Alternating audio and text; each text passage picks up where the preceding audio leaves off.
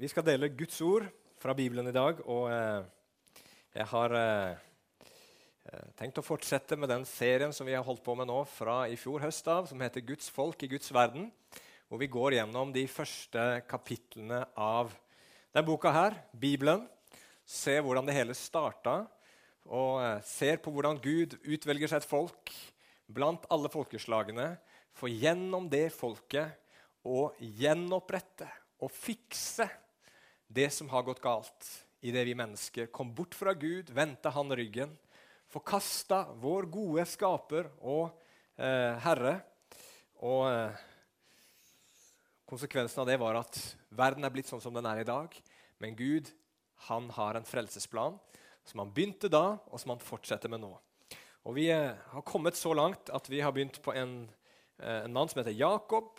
Han er en mann som har en stor familie. Han hadde fire koner, ingen god idé, og fikk tolv sønner.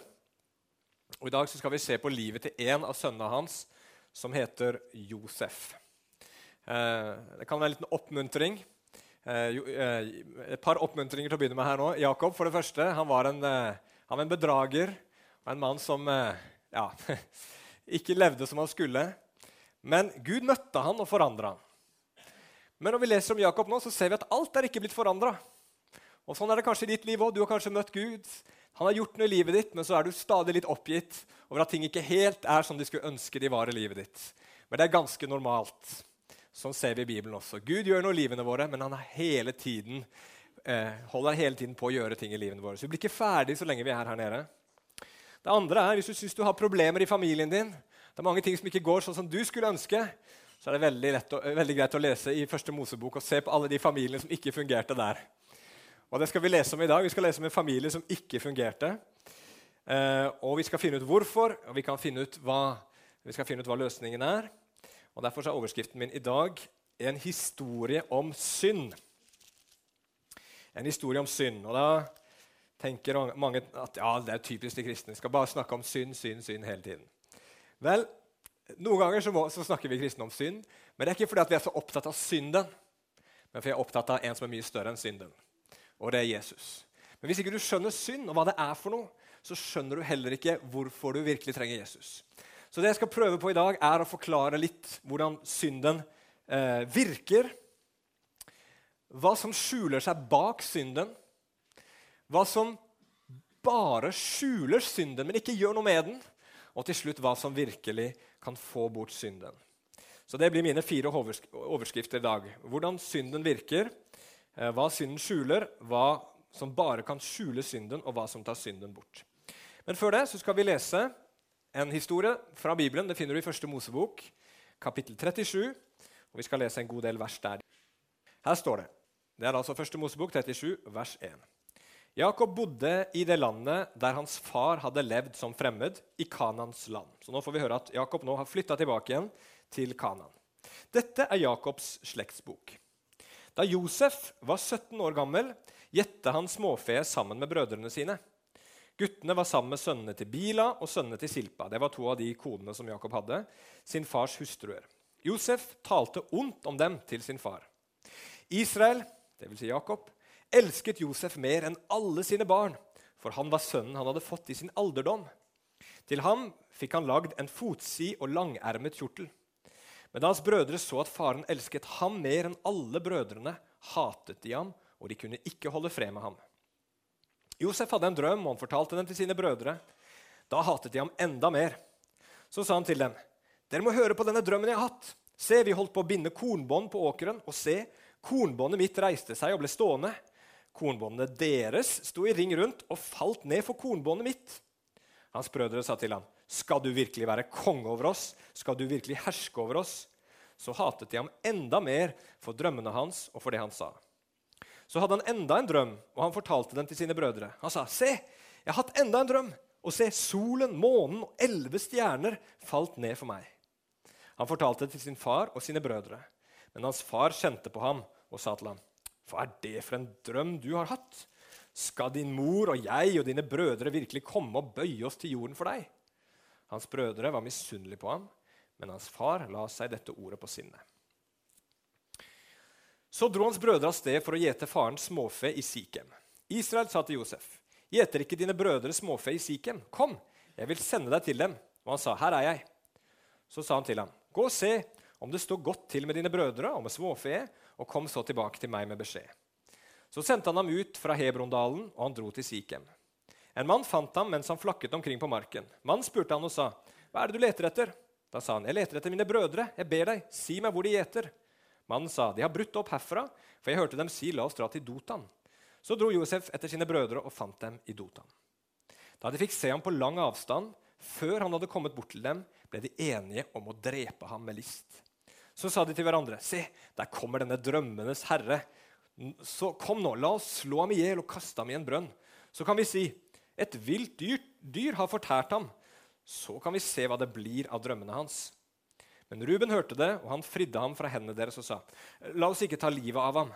Ruben sa til dem, 'Dere må ikke utøse blod, men kast ham i denne brønnen her i ødemarken, og legg ikke hånd på ham.' Han ville nemlig fri ham ut av hendene deres og føre ham tilbake til sin far. Da Josef kom til sine brødre, skjedde det. De tok av han kjortelen, den fargerike kjortelen som han hadde på seg. Så tok de ham og kastet ham i brønnen. Brønnen var tom, det var ikke vann i den. Så satte de seg ned for å holde måltid. Da løftet de blikket og så, og se, der var det en flokk ismailitter. De kom fra Gilead, og de hadde lastet kamelene sine med krydder, balsam og myrra, og var på vei ned til Egypt. Da sa Juda til sine brødre.: Hvilket utbytte har vi av å slå vår bror i hjel og skjule blodet hans? Kom, la oss selge ham til ismailittene, og, og, og, la oss ikke legge hånd på ham. Han er jo vår bror, og han er av vårt eget kjøtt. Brødrene hørte på ham. Så kom handelsmennene fra Midian forbi. Brødrene dro Josef opp og løftet ham ut av brønnen, og så solgte de ham til ismailittene for 20 sekel sølv. De tok Josef med til Egypt. Ruben gikk tilbake til brønnen og se, Josef var ikke i brønnen. Da flerret han i stykker klærne sine. Han gikk tilbake til brødrene og sa, 'Gutten er ikke der lenger.' 'Og jeg, hvor skal jeg gå?' Så tok de kjortelen til Josef, slaktet en geitekilling og dyppet kjortelen i blodet. Den fargerike kjortelen tok de med til sin far og sa, 'Vi har funnet denne. Kjenner du den igjen? Om det er din sønns kjortel eller ikke?' Han kjente den igjen og sa, 'Det er kjortelen til min sønn.'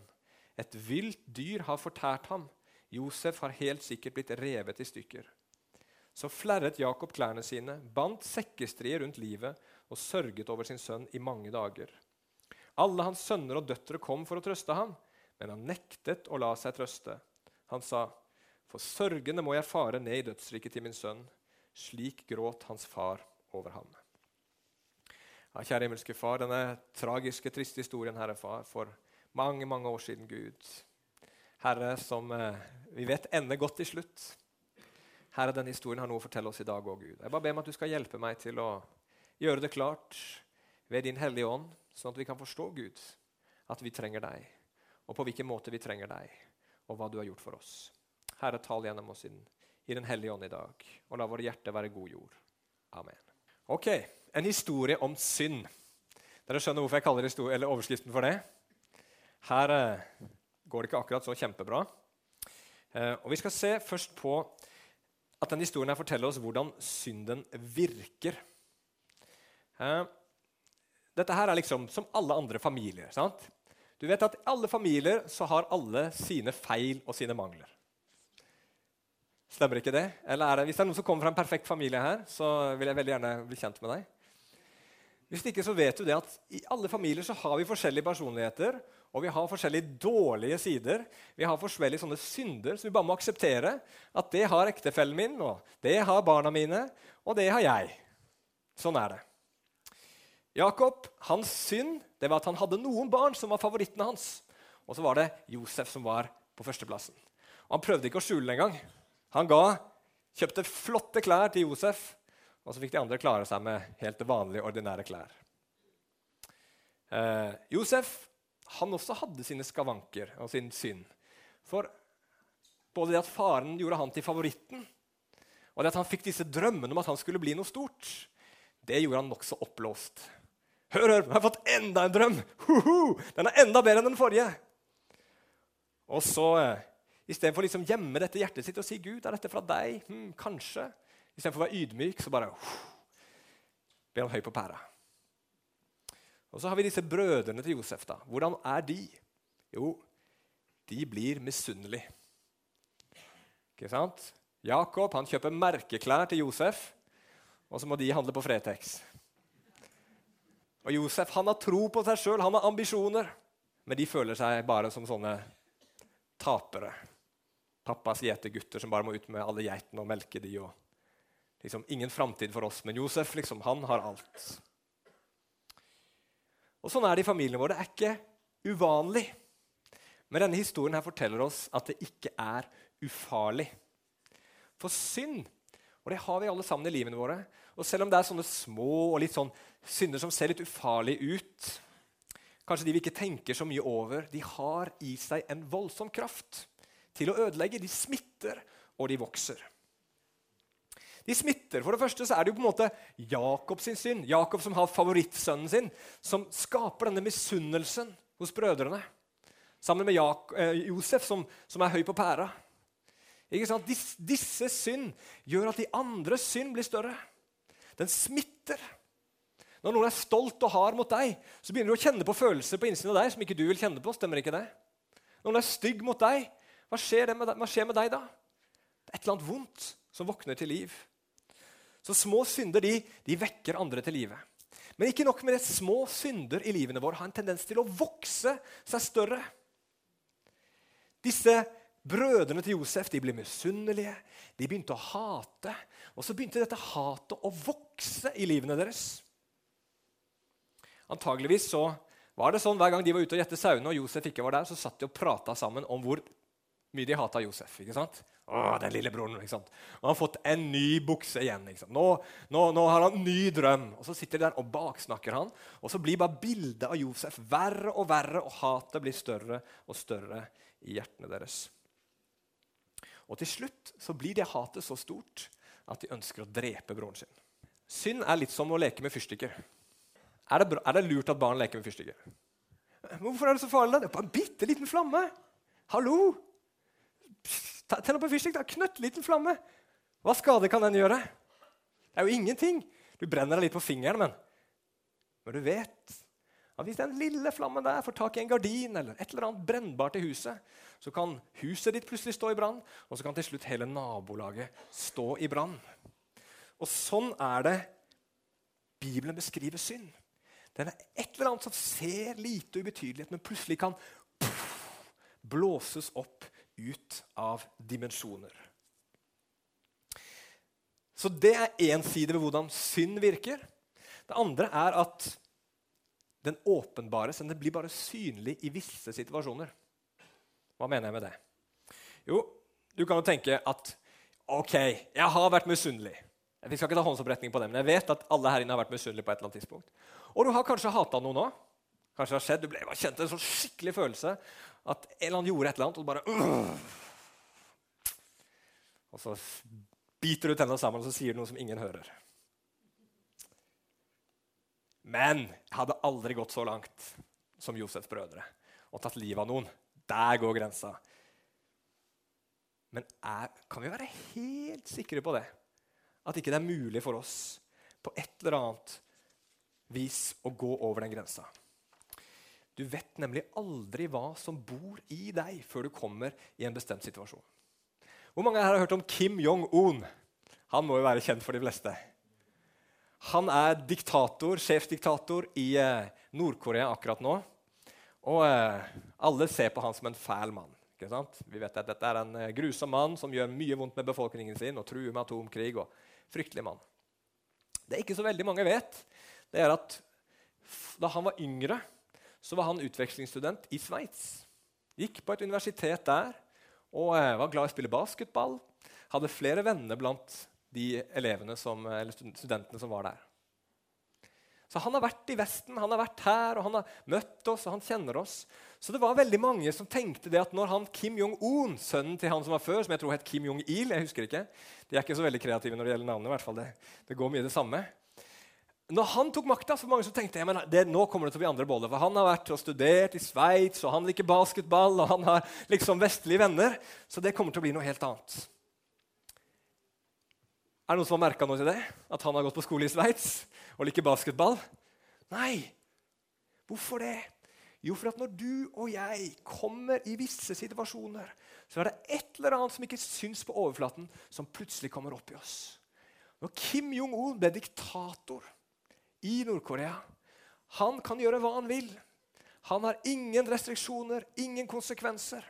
Og da ser han plutselig, ser han plutselig hva som dukker opp. Hva som kommer ut av hjertet hans.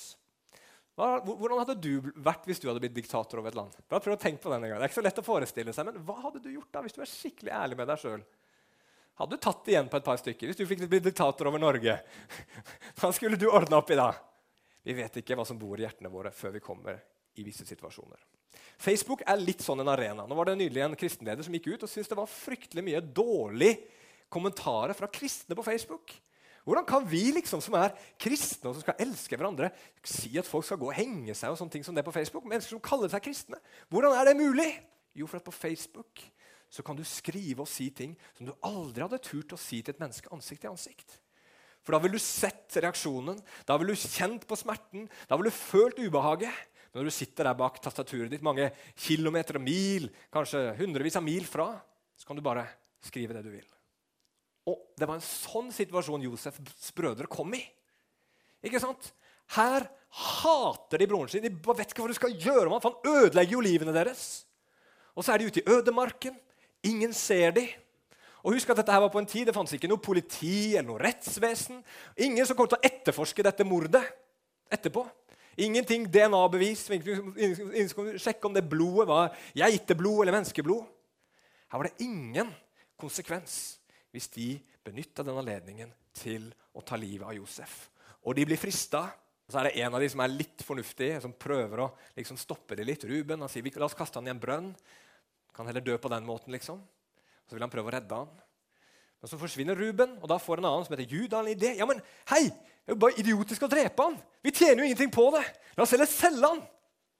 Og Så selger de han for 20 sølvsekel til noen eh, handelsmenn så, som, som tar han vekk. Hvorfor gjør de alt dette her? Jo, fordi de vet at ingen kommer til å finne ut av dette her. Hvis vi spiller kortene våre riktig, så er det ingen som kommer til å finne ut av dette her. Synden den dukker bare opp i hjertene våre i gitte situasjoner. Når alle ser deg, når, alle, når du vet det blir konsekvenser, så oppfører vi oss fint. Men når ingen ser deg, da er det plutselig noe annet som dukker opp. Jeg vet ikke om du har lagt merke til det, at veldig ofte når noen mennesker gjør noe forferdelig, og det leser vi om stadig vekk i nyhetene, så intervjuer de alltid naboene. Og da sier naboene? Nei, vi, vi, kan ikke skjønne dette. Han var jo så hyggelig, han var jo så høflig. Han var jo sånn en fin mann. Eh, hun var jo sånn en fin kvinne. Vi hadde aldri trodd dette om henne. Hvorfor det? Jo, for vi ønsker jo alle å framstå som gode mennesker. Men sannheten om oss den er aller mest synlig tror jeg, ofte i familiene våre. Noen som kan skrive under på det? Hvor mange blir mer sinte hjemme enn de våger å bli på arbeidsplassen sin? Eller på Betel? Ikke sant? Jo, vi viser oss som oftest fra vår beste side, og vi skjuler det dypet som er her inne.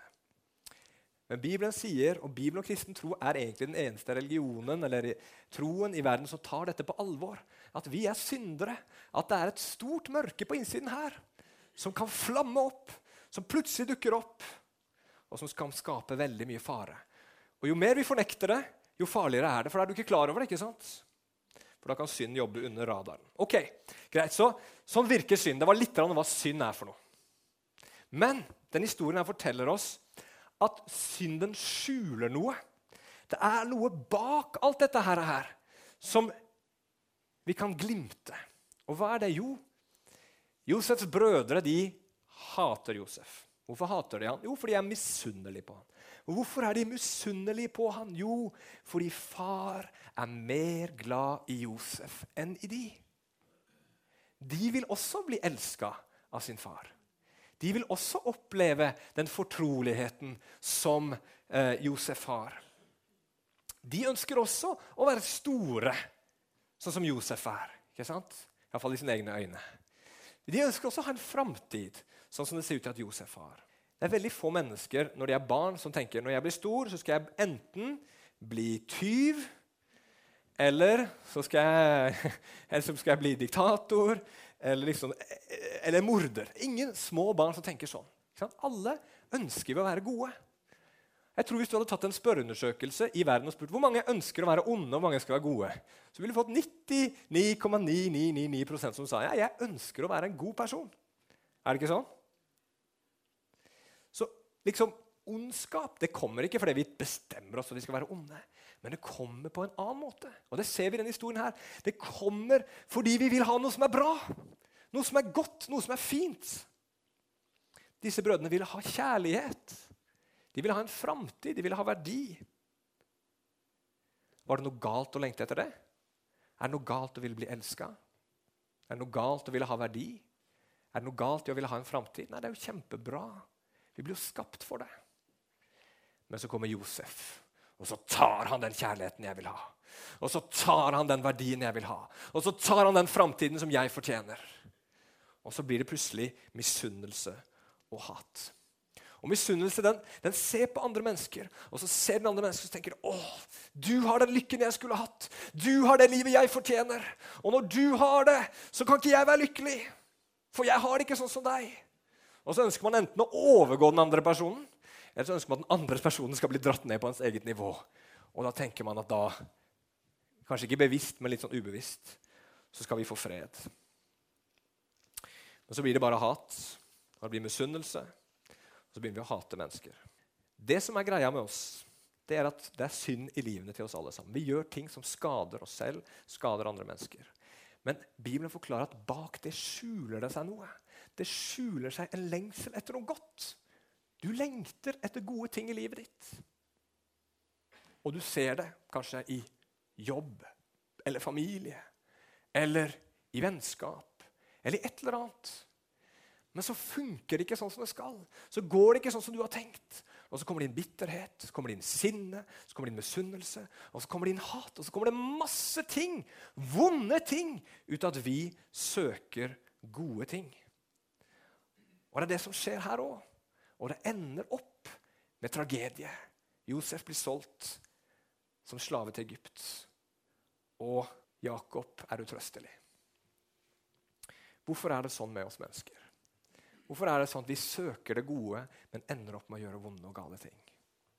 Jo, Bibelen forklarer det, at du er blitt skapt for gode ting, for alle disse gode tingene, og for å finne dem i Gud.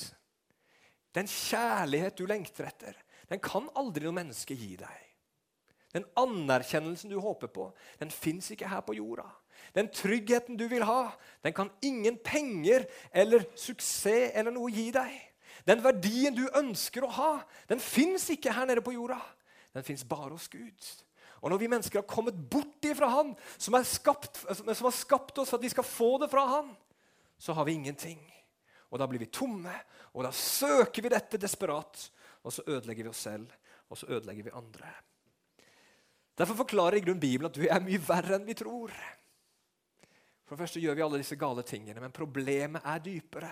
Det er at vi har forkasta den gode, kjærlige, sanne Gud.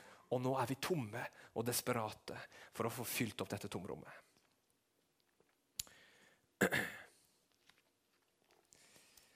Så er det siste, nest siste punktet mitt hva som bare skjuler synden. Ok, Bibelen forklarer at du er verre enn du tror. Bare si det til deg sjøl? Jeg er verre enn jeg tror. ikke det er en eh, skikkelig fin peptalk her på morgenen? God å ta med seg hjem. Hva gjør vi så i møte med den bitre sannheten om at jeg er verre enn jeg tror? Hva gjør du når du vet du har gjort noe galt? Hva gjør du når du er dypt skuffa over deg selv? For du vet du har svikta, og du har levd under din egen standard og gjort det du visste du ikke skulle gjøre, så gjorde du det likevel. Hva gjør du da? De aller fleste mennesker gjør sånn som Josefs brødre. Ruben han, han, han, han gråter. hva skal vi gjøre nå? Han kunne fortalt sannheten, men han gjør ikke det. Han blir med på brødrenes løgn og bedrag. De tar Josefs kjortel, river han litt opp så det skal se ut som et villdyr har vært der. De dypper den i noe sånn eh, geiteblod, og så tar de den med til faren. Og så Teknisk sett lyver de ikke. De sier ikke 'Josef har blitt drept'. eller noe sånt. De bare gir han kjortelen, og så sier de 'Vi fant denne tilfeldigvis'. Kjenner du den igjen? Og så trekker Jakob alle konklusjonene og tenker at Josef, hans elskede sønn, er død. Og disse brødrene sier ingenting. De kunne fortalt sannheten. De kunne sagt, de kunne letta på, på sin fars sorg ved å sagt OK, unnskyld, pappa, vi har gjort noe dumt. Her er situasjonen. Men hva hvis Josef hadde blitt solgt som slave og nå hadde havna en plass hvor han var død, eller havna en plass de ikke visste? Aldri fant han igjen. Da måtte de levd med skylden. Da måtte de sett sin far i øynene og visst hva han tenkte om de hver eneste gang han så dem. Og Derfor så ble den risikoen for stor. De kunne ikke bære det. Da var det bedre å lyve. Slippe unna konsekvensen og håpe at ingen skulle oppdage det. Er det sånn vi også gjør? Da vil du oppdage to ting. For det første, når vi velger synden, så blir aldri ting bedre. Disse mennene de lengta etter farens kjærlighet. Nå som Josef var død, i hermetegn, fikk de den da? Nei! Jakob var enda mer opptatt av Josef. Han bare gråt og gråt og gråt, og ingen kunne trøste han. Han bare tenkte på Josef nå. De fikk ikke mer kjærlighet. Og Sånn er det med synden også. Synden lover deg å bare gjør det, så skal du få det du lengter etter. Å bare slipp dette inn i livet ditt, så skal du se det bli bra. Og så lar vi oss lure, og så er det bare tomhet og smerte og bitterhet. Du får aldri det du lover. Synden som djevelen vil lure oss med, er som en sluk. Fisken ser når det ser ut som en deilig, sprellende fisk som skal gjøre magen mett. Så biter han på, og så er det bare smerte og død som følger. Og For det andre så oppdager disse mennene at skyldfølelsen går ikke bort. De forsøkte å, å liksom skjule synden sin. Det fikk ingen konsekvenser. Men du ser gjennom resten av historien at de bærer skylden gjennom årene. Den tynger de ned. Den blir som en byrde de bærer, som de aldri blir kvitt. Ikke sant? For de vet hva de har gjort. De vet at de har blod på hendene sine. De vet at de er skyldige. Og det hjelper ingenting å lyve om det. Det hjelper ingenting å prøve å overkompensere for det. Det hjelper ingenting å fornekte det, for det fins der allikevel. Det er en realitet. Og vi mennesker vi bærer på skyld, alle sammen. Jeg har hørt en historie en gang om en fransk ateist som skulle liksom prøve å bevise at kristendommen ikke var sann. Så Han hadde en venn, eh, som var en kjæreste som han ville prøve å overbevise om at kristendommen ikke var sann. Så han begynte å lese Bibelen. Og så merka han at han, når han leste Bibelen, så våkna både samvittigheten og hukommelsen til live. Så kom han på at han hadde gjort noe veldig veldig dumt, som han bare hadde fortrengt og glemt, men som var langt under hans egen standard. Og som han bare ikke ville tenke på engang. Og det bare kom opp og det kom opp og det kom opp. og det kom opp. Og han klarte ikke å holde det på avstand når han leste Bibelen. Og han, han, Hans samvittighet våkna opp, og han begynte å skjønne det vi kristne snakker om. Han ble en kristen etter hvert også. Men hvordan går det med disse brødrene her? da? Det ser veldig dårlig ut på slutten av historien. En løgn dekker over alt sammen. De får ikke den tilgivelsen de trenger, og de får heller ikke den kjærligheten de trenger. Sannhet, tilgivelse og kjærlighet trenger denne familien nå. Fins det det? Fins det det? Og her skal vi avslutte. Hva som tar synden bort. Denne familien trengte sannhet, tilgivelse og kjærlighet. Er sannhet en bra ting? Ja, i teorien. For sannhet kan også være veldig ubehagelig. Er dere enig i det? Liker du når ting blir ubehagelige? Eller er det ikke veldig ofte sånn at vi velger en løgn framfor sannheten hvis sannheten er ubehagelig og løgnen er behagelig? Mennesker gjør veldig ofte det. Og Da kan det gå ganske langt, og det er blitt laga utrolig mange komiserier akkurat om det. Du har sikkert sett noen sånne situasjonskomedier hvor en eller annen person kommer i en ubehagelig situasjon, og så må han lyve liksom for å komme ut av det. Og så følger den løgnen med, og så han må lyve igjen. Og så må han lyve igjen. Og så har han løyet til så mange forskjellige personer og fortalt så mange forskjellige historier at til slutt så bare raser hele greien sammen. Og så blir det en veldig morsom film eller et eller annet av det. Har dere sett sånn en? Ja. Og Sånn er vi mennesker. Vi, vi, vi, det er så ubehagelig med sannhet noen ganger at vi velger den behagelige løgnen. Men alt kunne selvsagt vært unngått hvis man var ærlig. sant? I denne saken her med Josef og brødrene så kunne mye smerte vært unngått hvis man bare var ærlige. Men vi mennesker vi ønsker ikke å høre sannheten om oss selv. At vi mennesker er onde, er det ingen tvil om. Hvem er det som gjør denne verden her så fæl? Er det vi menneskene, eller er det maurene? Det er ikke maurene, det er et hint. Men hva sier vi mennesker om oss selv? Nei, vi er ikke onde, vi er gode på bunnen. Ikke sant? Ja, ja, ja, ja.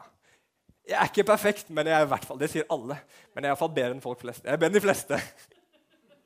Alle er over gjennomsnittet, sant? Det er akkurat som sjåfører og det. De fleste tror de er bedre sjåfører enn gjennomsnittet. Ganske morsomt. Men hvorfor vil vi ikke høre den sannheten? Jo, fordi vi er redd for sannheten. Vi er redde hvis vi tar sannheten innover oss, så knuser den oss fullstendig. Vi trenger en sannhet som ikke knuser oss. Vi trenger en sannhet som kan gi oss håp. Vi trenger en sannhet og nåde. Vi trenger en sannhet og tilgivelse. Hvor finner vi det? På korset. På korset. Korset gir oss en sannhet som er fryktelig ubehagelig. For det Bibelen åpenbarer for oss, er at på det korset, der når Jesus døde, så viser han oss først og fremst hva vi fortjener. Det er en forferdelig sannhet. At jeg fortjener å henge der. Jeg fortjener døden pga. min synd og mitt opprør mot min gode skaper. Jeg fortjener å bli adskilt fra Gud i all evighet. Jeg fortjener å gå fortapt. Det åpenbare korset for meg. Og mennesket i dag fnyser av det. Nei, uff, barbarisk. Kan ikke tenke sånn. Men sannheten er jo, jeg er så ille at Jesus måtte dø for meg.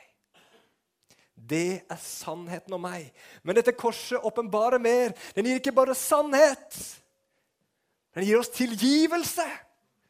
For det var ikke jeg som hang der. Det er ikke jeg som henger på korset, men det er Jesus som henger der. Og hvorfor henger han der? Jo, fordi han frivillig har sagt seg villig til å bære min synd, til å bære min skyld, til å gå med den hele veien til det korset, til å få sine armer, sine hender, sine føtter gjennombåra, til å lide, til å bli adskilt fra sin far i mitt sted. For at jeg, som er den skyldige, skal gå fri, bli tilgitt og bli rensa. Wow! Sannheten slår deg midt i ansiktet. Men samtidig er sannheten en sannhet om tilgivelse. Og ikke nok med det. Korset forteller noe som er enda større. Og Det står så utrolig bra i Romerbrevet 5 og vers 8. Men Gud viser sin kjærlighet til oss ved at Kristus døde for oss mens vi ennå var syndere. Dette korset åpenbarer ikke bare sannheten om oss, den åpenbarer ikke, ikke, ikke, bare tilgivelse, men åpenbarer at du er elska. At du er elska av Gud. Altså Bare den tanken i seg selv er hinsides hva vi kan forstå. Altså, Himmelens og jordens skaper. Han har ubegrensa kraft, ubegrensa makt. Han er fra evighet av. Han er mye større enn du noen gang kan ane. Og så ser han på deg og meg. Og så tenker han han der, hun der, elsker jeg. Og Det er ikke bare en sånn kjærlighet som Gud sitter i himmelen og liksom kjenner på i hjertet sitt, som er litt sånn varm og god. Men det er en kjærlighet som ble til virkelighet. Som ble bevist til det ytterste ved at Jesus blødde, døde, ropte ut i angst på et kors for din og min skyld. Oi, oi, oi, oi. Og det fantastiske med dette her Det som Josefs brødre ikke fikk se da, men som vi får se nå, for vi kjenner Jesus, det er at det du dypest sett lengter etter, det finner du svaret på på korset. For der gir Gud seg selv til deg. For at det tomrommet du har på innsiden, for de lengslene og behovene du har, skal bli fylt opp ikke ved at du blir rik og berømt og alt liksom går din vei, men at du får noe mye større enn det. Du får Gud, den levende Gud, på innsiden av hjertet ditt. Han tar bolig i deg og fyller deg, og du får lov til å bare glede deg over ham. Du får lov til å bli kjent med ham. Du får lov til å leve sammen med ham. Du får lov til å oppleve at han er der og gjør deg trygg og gir deg styrke når du er svak. At han trøster deg, at han leder deg, at han rettleder deg. Han gir seg selv til oss, kjære venner. Og Jeg blir aldri lei av å si det. Jeg har sagt det så mange ganger her. Men jeg må si det igjen. Det vi trenger, er Gud. Og han har gitt seg selv til oss gjennom Jesus Kristus. Og hva trenger vi mer da? Hva trenger vi mer da? Når vi har Gud. Når vi har Gud. Amen. Og Derfor snakker vi kristne om synd. Ikke fordi synden er liksom noe som vi er veldig opptatt av. Men for synden er det store problemet vårt som hindrer oss i å komme til Han som er løsningen. Han som er livet, han som er håpet, han som er gleden, han som er alt vi trenger. Kjære Far i himmelen. Jeg bare takker deg for mine brødre og søstre, alle som er samla her i dag, Gud. At vi skal se hva det virkelig er vi trenger, hva som virkelig tar synden bort. Hva som tar synden ved roten i våre hjerter, Herre. Så ikke vi skal gå rundt og krige og slåss og kjempe med andre mennesker og ødelegge oss selv og andre. Men at vi skal finne det vi trenger i deg og hos deg i Jesu navn. Og Helligånd, jeg ber om at dette skal bære frukt i livene våre. Jeg ber om vi skal få enda mer lyst til å tjene deg. Enda mer lyst til å tjene vår neste. Istedenfor å ville ta, så skal vi gi. Istedenfor å snakke stygt, så skal vi styrke, hjelpe, løfte, rettlede. Istedenfor å opphøye oss selv, så vil vi opphøye andre. Istedenfor å bare sentrere våre liv rundt oss selv, Herre så vil vi sentrere våre liv rundt andre. Å, Herre, kom med din Hellige Ånd og bare berør hjertene, Herre. Og la oss tro på dette, Gud. La oss få gripe dette, Herre. Stole på det du har gjort, Jesus. At du har gjort oss helt ren, helt reinvaska, og at du har tatt bolig i oss ved din Hellige Ånd. I Jesu navn. Amen.